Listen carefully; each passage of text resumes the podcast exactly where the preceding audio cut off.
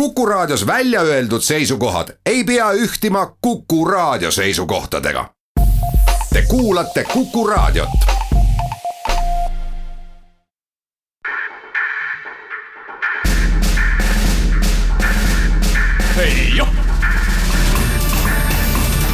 kaitseminutid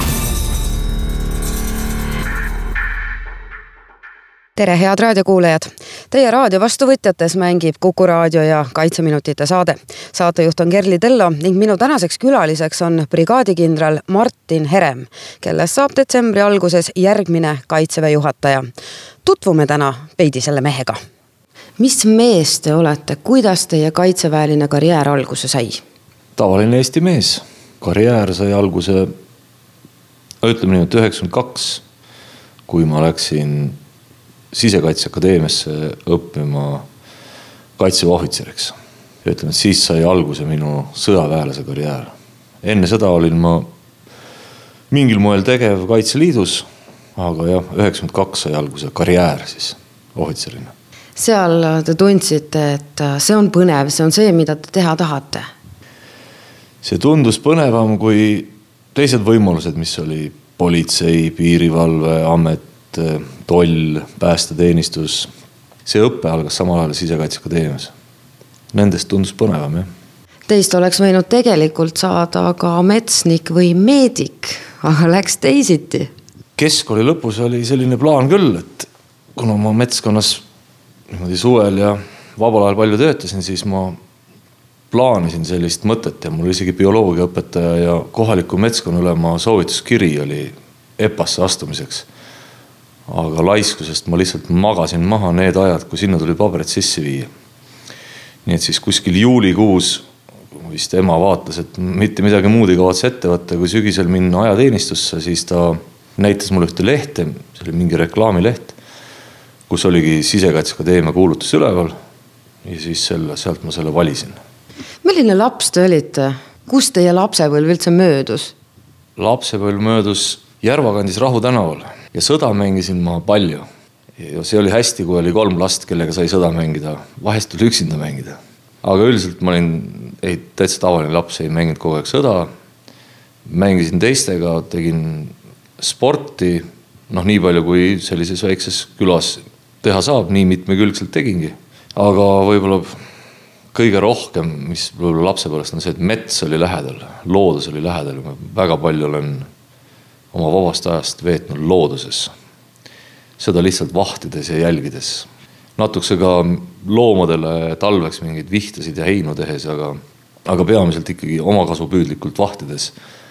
ma küll ei oska öelda, mis kasu sellest oli, aga võib-olla mingid teadmised on, on sellest jäänud kuulge, ärge olge nii tagasihoidlik, selline metsa tundmine on sõjaväelasele küll väga kasulik oskus, oskad igalt poolt välja tulla, kui vaja on seda ka, aga ma mõtlen rohkem sellised, mis lind on noh, mingi seal, ma ei tea, tihane ja, ja mis asi on põder ja mis asi on rebane, et noh, mingid sellised teadmised hoopis või kui kiiresti kasvab puu kümne aasta jooksul.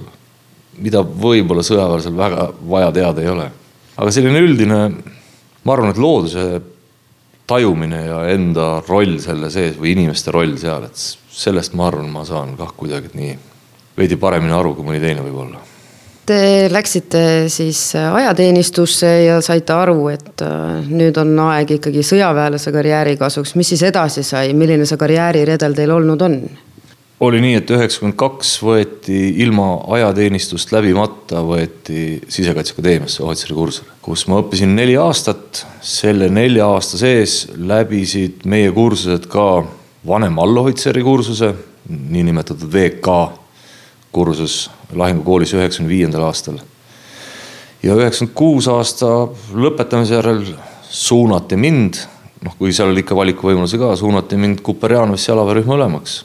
ja kuni üheksakümne kaheksanda aastani ma töötasin siis seal nii allüksuses kui natukese staabis ja läksin Tartu pataljoni ja kaks tuhat üks Tartu pataljonist läksin õppima BALTEF-kolli, mis oli ka kindla peale natukese vara, aga sel ajal otsiti inimesi, kes oskaksid enam-vähem normaalset inglise keelt ja kellel oleks kõrgharidus. niimoodi sattusin ma sinna, seejärel suunati kaitseväe ühendatud õppeasutustesse peatähelepanu või fookusega luua teise taseme ohvitseride kursus. ehk siis see, mille ma olin sel hetkel ise justkui vahele jätnud. Sellega läks aega seal kuskil aasta, et see kursus käima saada, seal õpetada ja siis kuni kahe tuhande seitsmenda aastani, see oli siis kuskil seal kaks tuhat kaks vist jah, kuni kaks tuhat seitse kevad olin ma seal õppejõud ja taktikaõppedel ülem. kaks tuhat seitse Tapale väljaõppekeskuse staabiülemaks ja kaks tuhat kaheksa jätkasin ma Tapal vast loodud Kirde kaitseringkonna ülemana kuni kaheteistkümnenda aasta suveni. siis ma läksin uuesti õppima Balti Kaitsekolledžisse neljanda taseme kursusele. samal ajal lõpetasin ära oma magistriõpingud keskastme kursusel. ja siis põhimõtteliselt kaks tuhat kolmteist Kaitseühendatud Õppeasutuste ülem kuni kuusteist suvi või suunati siia Kaitseväe peastaapi. et niimoodi kiirelt vuristades. kaks tuhat kuus osalesin rahvusvahelisel sõjalisel operatsioonil Iraagis väekaitse ohvitserina Ameerika brigaadi staabis. mulle tundub selle kõige järgi, et te olete olnud läbi elu selline õppija ja õpetaja. kui palju te nagu metsas üldse käite ja kui palju teist seda nagu sõja, sõjaväelast on? no esimesed aastad peamiselt mööduski metsas. mis nende õppimiste juurde puutub, siis noh, tänasel ametikohal ma teisiti ei saaks olla, kui ma poleks neid kursuseid läbinud ja need on noh, kui see teine tasem vahele jätta, juba kolmas, siis ega midagi väga ülemäära kiiret ei ole. aga õpetaja, ma arvan nii, et iga ülem, isegi mitte iga ohvitser, noh, alguses iga ohvitser, aga hiljem staabiohvitser võib-olla mitte nii väga, iga ülem peabki olema õpetav juht või, või juhtiv pedagoog, ma ei oskagi öelda. et kindla peale kogu aeg oma alluvaid tuleb õpetada. Et see on väljapääsmatu.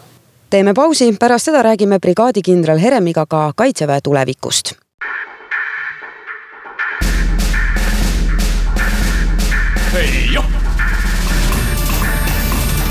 kaitseminutid tere tagasi, head kuulajad, täna on Kaitseminutite saates külas viiendal detsembril kaitseväe juhatajaks saav brigaadikindral Martin Herem täna olete te Kaitseväe peastaabi ülem, mida teeb peastaabi ülem? peastaabi ülem, ma olen sellest kuskil juba ka rääkinud. ma kujut-, ütleme niimoodi, et kui Kaitseväe juhataja on helilooja, siis peastaabi ülem on äh, dirigent. mitte sedavõrd palju ei tule peastaabi ülemal asju välja mõelda, vaid see, mida kaitseväe juhataja on ülesandena püstitatud küsimusena või siis mingisuguse ideena, see tuleb peastaabis läbi töötada seda tuleb kaaluda logistiliselt, sõjaliselt, personali küljest, pikemaajaliselt. kas see on seda võimalik juhtida sidealaselt ja kuidas see väljapoole kõik välja paistab, näiteks noh, siis strateegiline kommunikatsioon. see kaalutakse siin läbi ja siis pannakse see enam-vähem valmis produkt kaitseväe juhatajale ette, kes ütleb, kas ta tahab seda mingisuguste lisandite või muudatustega või läheb see niisama töösse. et selline, ma ei oskagi öelda, põhimõtteliselt mitme erineva valdkonna spetsialisti või jaoskonna töö kokkupanek on see peamiselt. mitmes erinevas valdkonnas. kui teie saate kaitseväe juhatajaks, siis te olete olnud peastaabi ülem äh, kaks pool aastat umbes olnud. see tähendab, selle pinnalt on ju tegelikult väga hea saada kaitseväe juhatajaks, pilt on ikka täitsa ees ju. ma arvan küll jah, see poolteist aastat, mis ma praegult juba olen olnud, eks ma saan oluliselt paremini aru noh, nendest protsessidest, mis mitte kaitseväe sees isegi nii väga käivad, vaid mis seda kõike kujundavad. olgu see siis riiklikul tasemel või, või rahvusvaheliselt. noh, kindla peale on see üsna hea ettevalmistus. millised plaanid on uuel kaitseväe juhatajal? luud hakkab pühkima või hakkab midagi juhtuma ka? ei hakka mingi luud pühkima, esiteks see isikkoosseis, kes meil on, on täpselt nii hea, nagu see on ja mul puuduvad illusioonid, et me mingisuguseid ümberkorraldusi tehes noh, saavutaksime kuskil midagi väga palju paremat. meil on erinevate positiivsete ja negatiivsete külgedega inimesed üle kaitseväe laiali ja see ei saa seda väga koondada kuskile kaitseväe juhataja külje alla, kuskile peastaapi või ma ei tea kuhu. et võtmekohad peavad olema mehitatud, komplekteeritud õigete või kõige paremate inimestega ja see on nagu peamine. mingeid uusi arengusuundi, kaitsevägi tuleb teha kiiremaks. mitmes mõttes, nii sõjaaja mõttes kui ka selles osas, kuidas me täna rahuajal oma tegevväelastega toimetame. väljakutseid alates aastast kaks tuhat kaheksa on tulnud oluliselt juurde.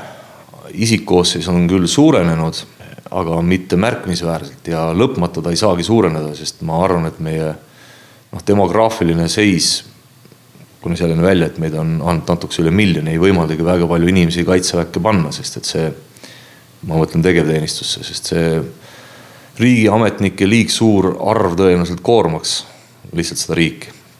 ja ühiskond ei vea seda välja. aga kui meid on nii vähe, nagu meil neid on või nii palju, siis me peame tegema seda tööd tõhusamalt ja ja tõhusus on see, mida tuleb arendada ja see ei ole mitte minu mingisugune loosung, vaid see tõhusus oli ka kaitseväe teenistuses või, või ametis oleva kaitseväe juhataja selline üks eesmärk siis, kui ta ametisse astus. eks mingil määral seda kahtlemata on ka saavutatud, aga ma tunnistan, et kogu aeg selles süsteemis sees olles ei oska ma alati neid hinnanguid anda, et kui kaugele me mingi arenguga oleme jõudnud. kõige lihtsam koht või kõige selgem koht, kus hinnanguid kaitseväele saab anda, on needsamad õppekogunemised, õppused Siil ja kõik sellised asjad, et see, need teised on kõik selline pinnavirvendus ja selline sade, mis kuskil ujub ja siis võib anda igasuguseid punkte ja miinuseid. Need suuremad õppused, need on ikkagi need, mis näitavad, kas me midagi oleme arendanud ja kas me midagi väärt oleme või ei. viimaste aastate õppused äh, on ju näidanud üht-teist, me ju oleme arenenud. pigem võiks nad kõik panna positiivse poole peale küll. seal on kahtlemata asju, mida tuleb parandada, aga need on noh, täitsa siiralt, need on kohad, kui see, need õppused saavad läbi ja vaadata nagu üldpilti, kui paar sammu asjast eemale astuda. et kuidas ta sobitub sellesse süsteemi, mille nimiks on riik ja riigikaitse, siis on see ikkagi pigem positiivne pilt kas see eelseisev ametikoht äh, on veidi hirmutav ka, et on sellised projektid, millega võib-olla ei tahakski tegeleda või, või tuleb nii kohutavalt palju tööd ja, ja võib-olla ühiskond ootab väga palju? no ma selle ühiskonna ootuse peale väga palju isegi ei ole mõelnud või et keegi kõrvalt hakkab hindama, mingisugune sisemine latt ja vot selle, sellest juhindudes siis muidugi on hirm. see on ikkagi väga suur vastutus, mida iga päev läbi igasuguste otsuste tuleb endale võtta ja, ja see ei ole sugugi mitte lihtne. ja see ei ole mitte nii, et on üks otsus täna ja järgmine on kuu aja pärast. suured otsused on võib-olla lihtsamad, see, mis teeb selle elu raskeks, on see, et iga jumala päev tuleb otsustada hästi palju väikseid asju. kus valida on enamasti noh, ikkagi kahe halva asja vahel. noh, see on näiteks inimeste liigutamine. Millised need kindral Terrase kingad on, kuhu astute? temast jäävad maha siilid eelkõige, üsna palju rahvusvahelist nähtavust veel üsna palju asju, aga, aga täna ongi see, et meid tuntakse rahvusvaheliselt näiteks väga hästi, saadakse meist aru. siis teatud võib-olla rahunenum juhtimisstiil ka, mida ma arvan, tuleb ainult edasi arendada teatud enesekindlus ja rohkem ma ei hakkaks neid nimetama, sest ma paratamatult hakkan äh, kirjeldama ametis olevat kaitseväe juhatajat, mida ma ei tahaks teha. igal juhul ma soovin teile edu alates detsembrist siis uues ametis. aitäh.